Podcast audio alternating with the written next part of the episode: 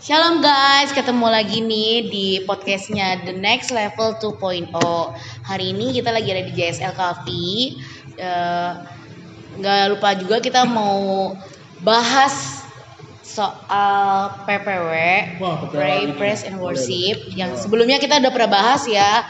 Sebenarnya kalau ngomongin soal PPW itu banyak banyak banget bahasannya dan panjang banget. Tapi di sini supaya orang-orang nggak bingung, nggak bosen, sebenarnya kita ngejelasinnya secara gamblangnya aja, secara to the point aja. Dan teman-teman kalau misalnya kalian yang lagi di jalan atau yang lagi di rumah, saya sebisa mungkin kalau misalnya lebih asik sih, memang lebih enak pakai apa ini namanya? Iya earphone. Oke, langsung mulai aja. Soal PPW. Halo guys, apa kabar? Long time not see. Oke, Bukan not see, not ear. not here ya. Betul betul betul, karena mm, nggak kelihatan muka ya. Iya. Yang kelihatan, eh, yang kedengeran cuma suara. Oke, tentang PPW. Terkadang gini loh ya, kita selalu berpikir tentang bahwa kalau ketemu Tuhan harus PPW dulu. Kalau mau ngerasain hadirat Tuhan, kita mesti PPW dulu. Nah, yang jadi pertanyaannya adalah kenapa pada saat eh, halal jatuh dalam dosa, Tuhan nggak gantiin halal baru, atau Tuhan gantiin yang namanya dengan eh, istilahnya malaikat lain yang seperti halal atau halal, ya. Padahal kan itu halal tergolong malaikat yang cukup sempurna di mana seluruh badannya berisi tentang alat musik. nah, itu sebuah merupakan itu sebuah apa ya namanya istilah sebuah sebuah pertanyaan yang perlu kita cermati sebenarnya. Karena apa? Karena Tuhan pada saat hell jatuh memang betul ya kan. Nah, eh, malaikat jatuh tidak diselamatkan gitu kan. Tetapi Tuhan sendiri tidak menciptakan malaikat yang lain untuk sebagai pengganti. Tetapi justru malaik Tuhan itu malah membuat manusia yang serupa dan segambar dengan dirinya. nah, uniknya lagi adalah manusia yang dia yang dia buat atau manusia yang dia eh, istilahnya dia create itu berbeda dengan yang namanya halal. Di mana justru manusia dibuat dari debu tanah ya kan? Bukan dari alat musik. Ya kan? Nah ini sebuah pertanyaan yang sangat menarik dan patut kita bahas. Nah apakah karena Tuhan tidak ingin dipuji disembah lagi? Ya kan? Ataukah apa nih? Betul nggak? Nah kalau kita ngelihat ternyata memang Halal begitu dibuang ke bumi, ya kan? Di surga masih ada yang namanya Sherafim. Malaikat yang khusus memuji menyembah Tuhan siang dan malam. Ya kan? Di mana akhirnya di situ kita bisa lihat, oh ternyata Tuhan tidak perlu yang namanya halal. Cukup dengan Sherafim. Nah, Pertanyaannya lagi nih, apakah manusia itu harus atau akan mengisi kekosongan surga nantinya untuk menggantikan posisi halal? Nah, ini juga sering kali diperdebatkan dan dipertanyakan. Ya kan? Nah, tapi ternyata ya kan, nggak semua manusia bisa main musik. Ah, ya, ya, ya. Ya kan? Nggak semua manusia bisa nyanyi. Ya kan? Bahkan ada manusia yang nggak bisa ngomong. nah, mereka pada dari istilahnya dari lahir mereka nggak bisa nyanyi. Even kita tahu bahwa nantinya memang eh, setelah kematian dengan tubuh yang baru memang Mereka tidak istilahnya mereka bukan lagi tidak bisa atau apa itu namanya tuna apa namanya tuna wicara ya? Nah, tapi kembali lagi ketika Tuhan buat Adam di taman di Eden, ya kan? Di situ Tuhan nggak bikin yang namanya tata cara Hmm. seperti di surga. Hmm. Sama ketika Hallel masih ada di surga. Di mana sometimes Tuhan nyuruh Hallel pimpin pujian. Gitu kan? Sometimes terjadi pujian dan penyembahan di surga. Tetapi ketika Tuhan membuat Adam di yang ditaruh di taman di Eden, ya kan? Di situ Tuhan tidak membuat alat musik. Ya kan? Bahkan di situ tidak tertulis tentang pujian dan penyembahan. Nah, yang justru ditulis di Alkitab, Adam jalan sama Tuhan di sore hari. Nah, pertanyaannya adalah, gitu kan? Ngapain mereka jalan di sore hari? Betul dong. Tiap hari nggak ada bolongnya. Dan di situ kalau seandainya ada pujian penyembahan, pasti di Alkitab ditulis. Adam melakukan yang namanya lagu penyembahan, kemudian lagu cepat, ya kan? Kemudian penyembahan lagi mungkin ada yang pakai bahasa roh, mungkin ada pakai spontaneous song gitu kan. Baru setelah itu ngobrol sama Tuhan. Tapi kan nggak ada, ya kan? Tiba-tiba sore-sore Tuhan datang jalan-jalan sama Adam. Nah, kalau kita melihat dari situ, apakah pujian dan penyembahan itu tidak berlaku? Kita juga nggak bisa bilang tidak, ya kan? Tetap masih berlaku. Tetapi pujian dan penyembahan macam apa yang Tuhan inginkan? Hmm. Gitu kan? Karena di zamannya Adam, waktu masih belum ada kejatuhan manusia dalam dosa, di situ Tuhan tidak menuntut apa pun tentang yang namanya pujian dan penyembahan. Ya kan? Dan kita tahu berlangsungnya Adam sebelum jatuh dalam dosa itu mungkin bisa jutaan tahun. mungkin bisa juga miliaran tahun. Nggak ada yang tahu. Betul ya? Gitu loh. Semua berasumsi bahwa setelah 6000 tahun atau enam hari atau hari ketujuh, hari ke-8 manusia jatuh. Tapi itu kan cuma asumsi. Ya kan? Tapi kalau kita ngelihat nilai ukurnya umur bumi, ada orang bilang umur bumi 6000, ada bilang umur bumi udah jutaan tahun. Siapa yang benar? Semuanya benar. Ya kan? Kita nggak bisa ngomong soal itulah dan kita nggak perlu ngomong soal itu. Tapi yang menarik di sini, yuk kita mulai bahas lagi, perdalam lagi tentang apa sih Tuhan mau? Kenapa sih kok dia buat manusia? Apakah kita harus pakai PPW dulu baru bisa ketemu Tuhan? nah, terus kalau kita bahas mengenai PPW, kita pasti selalu ingat tentang yang namanya Daud. Daud adalah biji mata Tuhan, Daud adalah the man of his own heart atau manusia atau uh, manusia yang ada di hatinya Tuhan. Kenapa kok dia di hatinya Tuhan? Karena dia terkenal dengan pujian dan penyembahannya.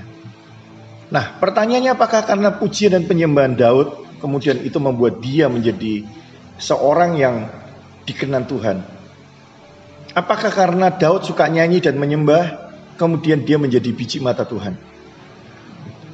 Pertanyaannya kan kembali lagi, waktu Yesus ada di bumi, Yesus juga nggak melakukan namanya pujian penyembahan. Tapi di situ ketika Yesus dibaptis, langsung langit terbuka dan Bapak berkata bahwa inilah anakku yang dikasih. Padahal tanpa pujian dan penyembahan. Ya kan? Pada waktu Tuhan Yesus dibaptis kan murid-muridnya nggak ngambil lagu. Ya kan? Enggak, ya kan Yohanes nggak langsung ngambil main gitar, nggak ada. Hmm, ya. Apalagi Yohanes pembaptis nyiapin keyboard dulu, nggak ada. Ya kan? ya keyboard dulu belum ada ya. mungkin tamborin kali ya. Nah, enggak, enggak ada kan gitu loh. Semua berlangsung begitu aja. Tanpa ada namanya ritual, tanpa ada namanya pujian penyembahan, Bapak pun berkenan, iya. ya kan? Tetapi apakah itu salah? Ya tidak juga. Karena kita tahu ketika Petrus di penjara, Paulus di penjara, ya kan mereka pun melakukan yang namanya pujian dan penyembahan. Mereka nyanyi, penjara dibuka. Ya kan? Sebenarnya bukan karena lagunya sakti, tapi karena memang orangnya diurapi. Ya. Ya kan? Nah, di sini kita mesti harus mengerti bahwa pujian dan penyembahan itu bukan cuma hanya sekedar nyanyian atau kita menyanyikan lagu-lagunya orang. Memang selama ini secara ritual gereja kita selalu menyanyikan lagunya orang. Ya kan? Pada sampai pada saatnya akhirnya ya kan ada yang namanya ya kita tahulah banyak hal yang terjadi di lapangan sekarang ini tentang hak cipta dan segala macam. Hmm, ya. Padahal kalau kita pikir lagu itu kan kita dapat secara cuma-cuma, Hmm. ya kan? Itu muncul dengan sendirinya karena kita mengasihi Tuhan. Dan Tuhan memberikan lagu itu di dalam hidup kita secara gratis. Ya, kita tahu memang ya musisi ya kita nggak bisa nyalain, mereka jual lagunya dan segala macam ya is okay lah. Ya kan? Tetapi apakah lagu orang lain yang harus kita nyanyikan ketika kita ketemu Tuhan? Ya kan? Nah, sering kali bahkan nih ya, bahkan kadang-kadang gini ya. eh, ini yang bikin saya ketawa bahwa kita sering kali pasang yang namanya Apa tape atau kaset Kaset ya. Ah, yang berisi nyanyian, ya. kan 24 jam, gak ada berhentinya, nonstop. Kita pikir ketika di rumah ada puji-pujian, di situ Tuhan hadir. Tuhan hadir. Kayak Padahal sebenarnya, ya kan, yang Tuhan mau itu bukan kasetnya yang nyanyi, Iya. tapi Tuhan mau manusianya lah yang nyanyi, Menciptakan manusianya yang memuji. Iya. bukan kaset, ya kan? Hmm. Apa bedanya sama orang dunia? Apalagi agama lain, ya kan? Mereka pasang musik itu di depan ya Tuhan mereka 24 jam. Malah lebih keren. Ya enggak? Ya kan? Ada wangi-wangian di situ. Ya? Ada jeruknya di situ, ya kan? Kalau di kita kagak ada, ada. ya kan? Aduh, mereka aja begitu menghormati Tuhan mereka gitu kan? Ya, sampai dikasih jeruk segala gitu kan? nah, oke lah ya itu itu cuma ritual lah ya. Nah, tapi kembali lagi mengenai bahwa apakah itu yang Tuhan mau? Kita cuma pasang tape, udah kita main tinggalin aja. Terus ngapain Tuhan buat manusia? Lah kalau cuma Tuhan disuruh dengerin tape, mendingan ya udah suruh si Raffi deng- nyanyi aja udah kelar. Suaranya lebih bagus. daripada kita. Bener ya? Iya. Nah, ini jadi problem. Kita terlalu yang namanya meng-underestimate-kan yang namanya relationship, Ya. ya kan? Lu bisa bayangin ya nggak? Kita istilahnya memuji raja. Ya kalau kita mau ngomong soal law dan grace gitu kan. Dulu kalau kita ngomong kita harus ketemu raja dengan sopan. Kita ketemu raja harus dengan hormat. Kita ketemu raja harus dengan yang namanya eh, pakaian rapi dan segala tata macam caranya. Tetapi yang lucunya adalah gitu kan. Kalau kita ngomong soal hormat, terus kita pasang tape di rumah. Pertanyaannya apakah itu hormat? Udah gitu kita tinggalin aja. Yang konyolnya itu ditaruh di rumah kosong. Gitu kan? Yang nggak ada orangnya. Lu pikir itu pujian penyembahan buat ngusir setan? Penangkal setan? Penangkal setan tuh jadi kasihan banget. Mau pergi, pergi ya, iya, boleh pergi. Jaga rumah, jaga, Jaga rumah.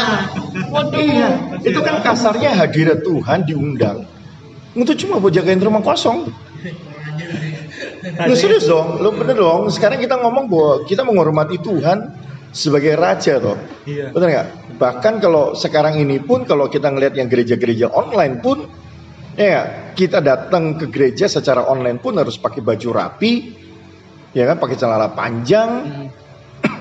ya kan? Nggak boleh pakai celana pendek karena dibilang nggak menghormati Tuhan.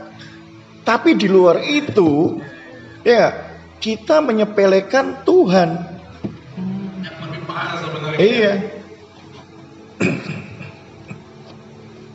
Itu loh.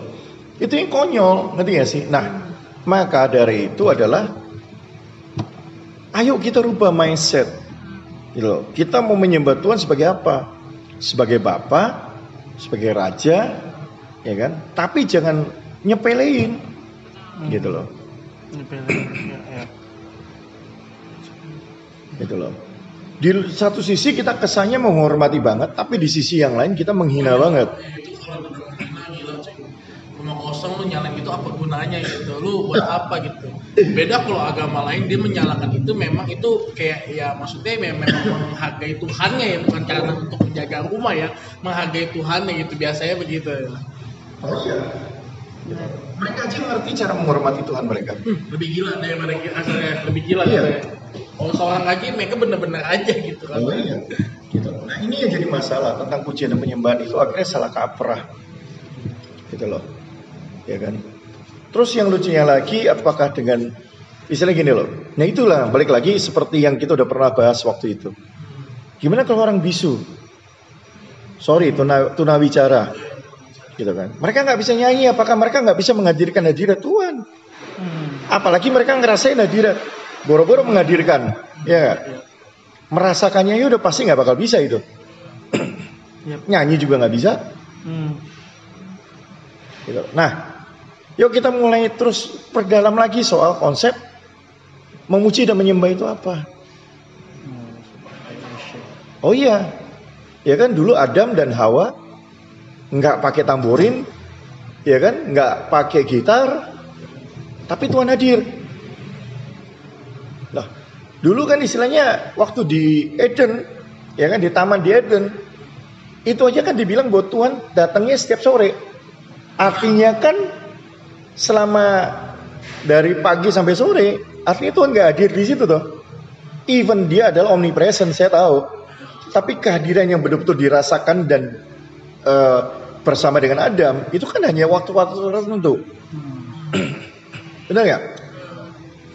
Tetapi cara Tuhan datang atau didatangkan itu kan dengan- tidak dengan liturgi apa pun, Hmm. dengan tidak pakai gaya apa pun. Tinggal ngomong, ya kan? Halo Abah, dia akan langsung jawab. Yes, my son. Sama persis kayak waktu Yesus dibaptis. Ya kan? Dia langsung malah langit dibuka, istilahnya langit itu dirobek sama Bapak dan cuma perlunya Bapak cuma perlu ngomong bahwa this is my beloved son. Nggak pakai PPW. Tapi bukan berarti kita bahas begini kita anti PPW. Iya iya dong. Ntar kira wah ini the next level anti PPW. No no no no no no. Kita demen banget PPW. di tempat aja kita ayo deh bebas dari mana pun deh kita Iya siap kan? deh Nah, ini jadi masalah konsep selama ini PPW kita selalu nah yuk kita mulai masuk lebih dalam lagi. Ya kan tentang praise and worship itu. Kata memuji itu bukan berarti kita menyanyi. Tapi kata memuji itu artinya kita lagi memuji orang. Ketika kita melihat seseorang dengan tampilan cantik, tampilan cakep, ganteng, kan kita puji. Keren ya tuh orang. Artinya kita memuji orang lain. Sama ketika kita merasakan kebaikan Tuhan. The goodness of God. Di situ kita puji Tuhan. Haleluya. Itu artinya kita udah memuji Tuhan. Ya, kita merasakan kebaikannya tiap hari. Artinya kita memuji Tuhan tiap hari.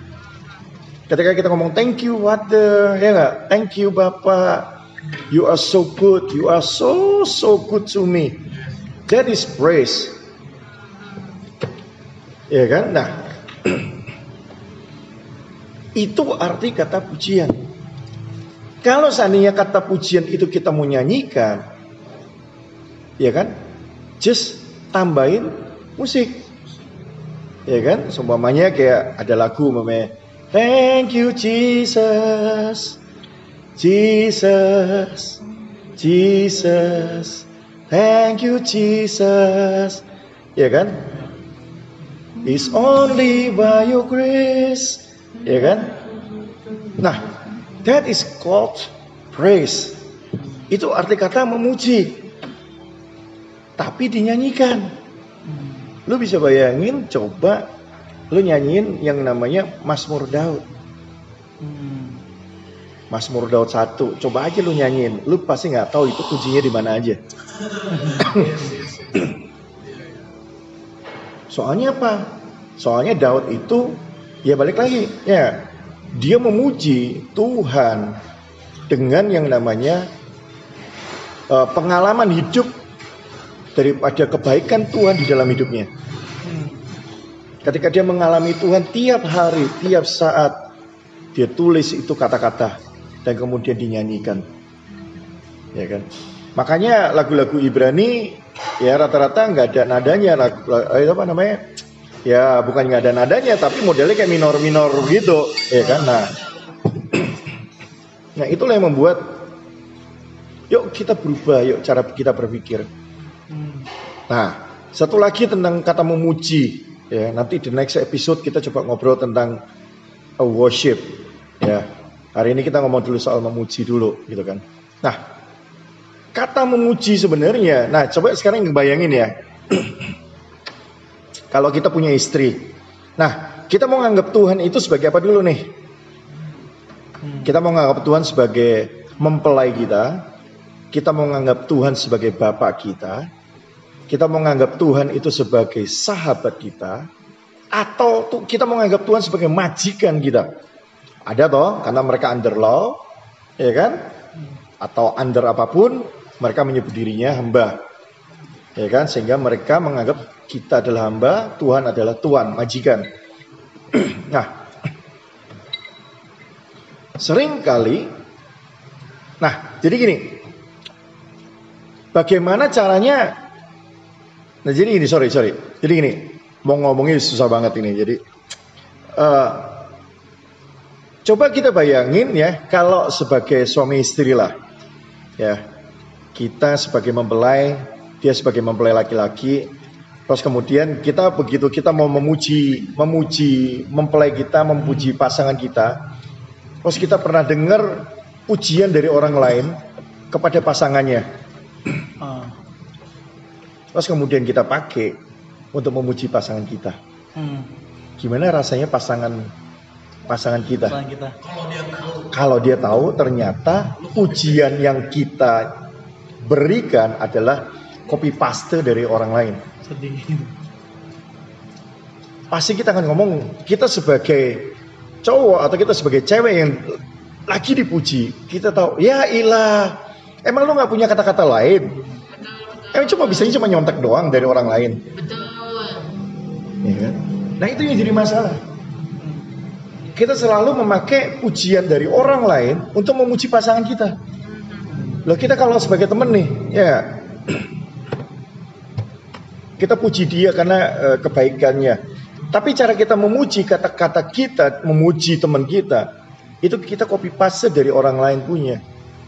Dan orang itu tahu ya ilah ini mah kata-kata temen gua nih, gitu kan. Punya, iya. Kita pasti akan ngomong apa? Ah, basi lu. Lu betul dong. Karena apa? Karena nggak tulus. Emang lu nggak punya kata-kata dari hati lu sendiri untuk mencerminkan bahwa lu itu thank you banget sama dia. Hmm. itu bukan sama Tuhan sih, sama pasangan kita sendiri pun juga mesti. Kalau kita kan kita nggak punya. Jadi nggak bisa merasakan. Jadi ceritanya masih jomblo. iya. ya, nah itu yang jadi jadi masalah. Nah, itu kita nggak usah ngomong soal jomblo nggak jomblo gitu kan. Tapi kita sebagai sama papa kita lah. Hmm. Lu nyontek adik lu ketika memuji bapak lu. ya kan? Sama abis itu lu contek tuh, bapak lu pasti ngomong apa? Sama. Ya ilah lu sama aja sama adik lu. Emang lu nggak punya kata-kata lain? Emang cuma bisa nyontek doang dari adik lu? Saya pernah itu, saya sering. Bener nggak? Nggak kreatif banget sih lu, gitu kan? Padahal sebenarnya Tuhan itu ciptain kita. Tuhan buat kita, Tuhan kasih kita kemampuan itu sangat kreatif dan unlimited. Coba bisa bayangin dengan lagu punya istilahnya ini, dengan nada dasar yang ada dari A, E, F, C, G, H, ya kan? Berapa ratus ribu bahkan berapa juta lagu yang udah pernah dibuat dan tidak ada yang sama dari kata-katanya, dari musiknya, betul ya? musik tipe musiknya kalau kunci semua sama tapi tipe musiknya yang berbeda melodinya Betul. berbeda iya Kata-katanya pun berbeda. jauh Nggak ada satupun yang sama. Kalau sama, nyontek. Kena langsung hak cipta. Iya. Nah, nada aja masalah Nada aja masalah. tahu lagi masalah, masalah kemarin itu aja nada aja Jadi masalah artinya Tuhan memberi manusia kemampuan untuk, ya kan, memuji Dia dengan kata-kata yang tidak terbatas. Even kita tahu bahasa Indonesia itu kosakatanya sedikit. Tapi kalau kita ngelihat lagu bahasa Indonesia aja banyak sekali. Ya kan? Jadi kasarannya even terbatas pun bahasa Indonesia juga termasuk kaya akan kosakata. Kalau enggak, ya kan? Lagu-lagu berikut ini ke depan semua sama semua kata-katanya. Ya, betul dong? Iya, jatuhnya plagiat. Nah, kita ngeliat di sini. Plagiat di dunia aja masalah ya Masalah. Iya, Ya even bapak kita baik, nggak masalah even bapak kita nggak masalah, tapi bapak kita juga pasti kepengen dong. Namanya bapak. Bapak kita di bumi aja juga kepengen supaya kita kreatif, supaya kita bisa memuji tanpa kita nyontek dari orang lain. Artinya apa sih? Artinya Tuhan pengen kita itu ngobrol sama Dia, memuji Dia, ya kan, dengan hati yang tulus, tanpa harus nyontek orang lain punya kata-kata. Hmm. Bayangin kita tiap hari ngerasain the goodness of God. Kita ngerasain experience sama dia tiap hari, tiap saat, momen demi momen. Masa nggak ada satu kata pujian sih yang bisa kita lontarkan kepada kebaikannya Bapak. Nah, soal kita mau nyanyikan itu terserah Anda. Atau istilahnya mau dilakukan itu urusan Anda. Jadi masalah enggak ketika kita nyanyi ya kan dengan kata-kata kita sendiri nggak masalah. Even fals pun nggak ada masalah. Even adanya nggak beraturan pun nggak ada masalah. Karena Tuhan nggak ngelihat dari itunya, tapi Tuhan ngelihat dari hati yang tulus itu. yang keluar dari hati kita yang terdalam, ya kan, akan cintanya, akan kasihnya. Itu yang dia rindukan. Ya kan? Apa pray praise and worship kita bagi kita bedah lagi nih ke dalam-dalamnya. Iya. kita bedah satu-satu. Apa sih itu pray? Doa pun aja banyak hal gitu. Dan sekarang kita lagi ngebahas kalau doa mungkin simple lah ya pasti kalian juga pada tahu lah. Iya. tapi saking simpelnya orang tuh makin bisa aja tetap Yes. dibikin reward gitu. Doa lu mesti begini lu mesti ya orang kalau bangun pagi nggak masalah pan- panjang itu biasa tapi yang paling parah itu kita akan bahas di sesi berikutnya. Iya. Ya, karena itu kalau udah masuk ke doa kan panjang lagi nanti ya. ya kan? Nah, dari praise aja sebenarnya ini masih banyak.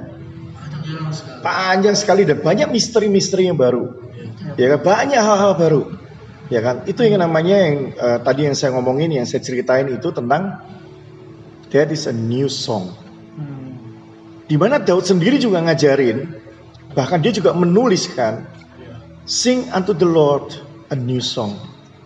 Nyanyikanlah nyanyian bagi Tuhan, nyanyian baru, atau lagu baru, atau pujian baru. Dari mana? Dari hati kalian. Itu yang Tuhan mau dan itu yang Tuhan minta. Jangan pasang tape lagi di rumah. Ya kan? Kita anggap bahwa dengan kita pasang tape gitu kan, kita udah memuji Tuhan. Belum. Ya saya tahu kalian pasang tape, kalian nyanyi, ya kan? Tapi ayolah, mulai kalian mulai belajar yang namanya bahwa punya yang namanya relationship dengan Tuhan. Hmm. Bukan karena aduh biar enak didengar Tuhan kita pakai musiknya orang. Padahal sebenarnya Tuhan nggak kepengen itunya.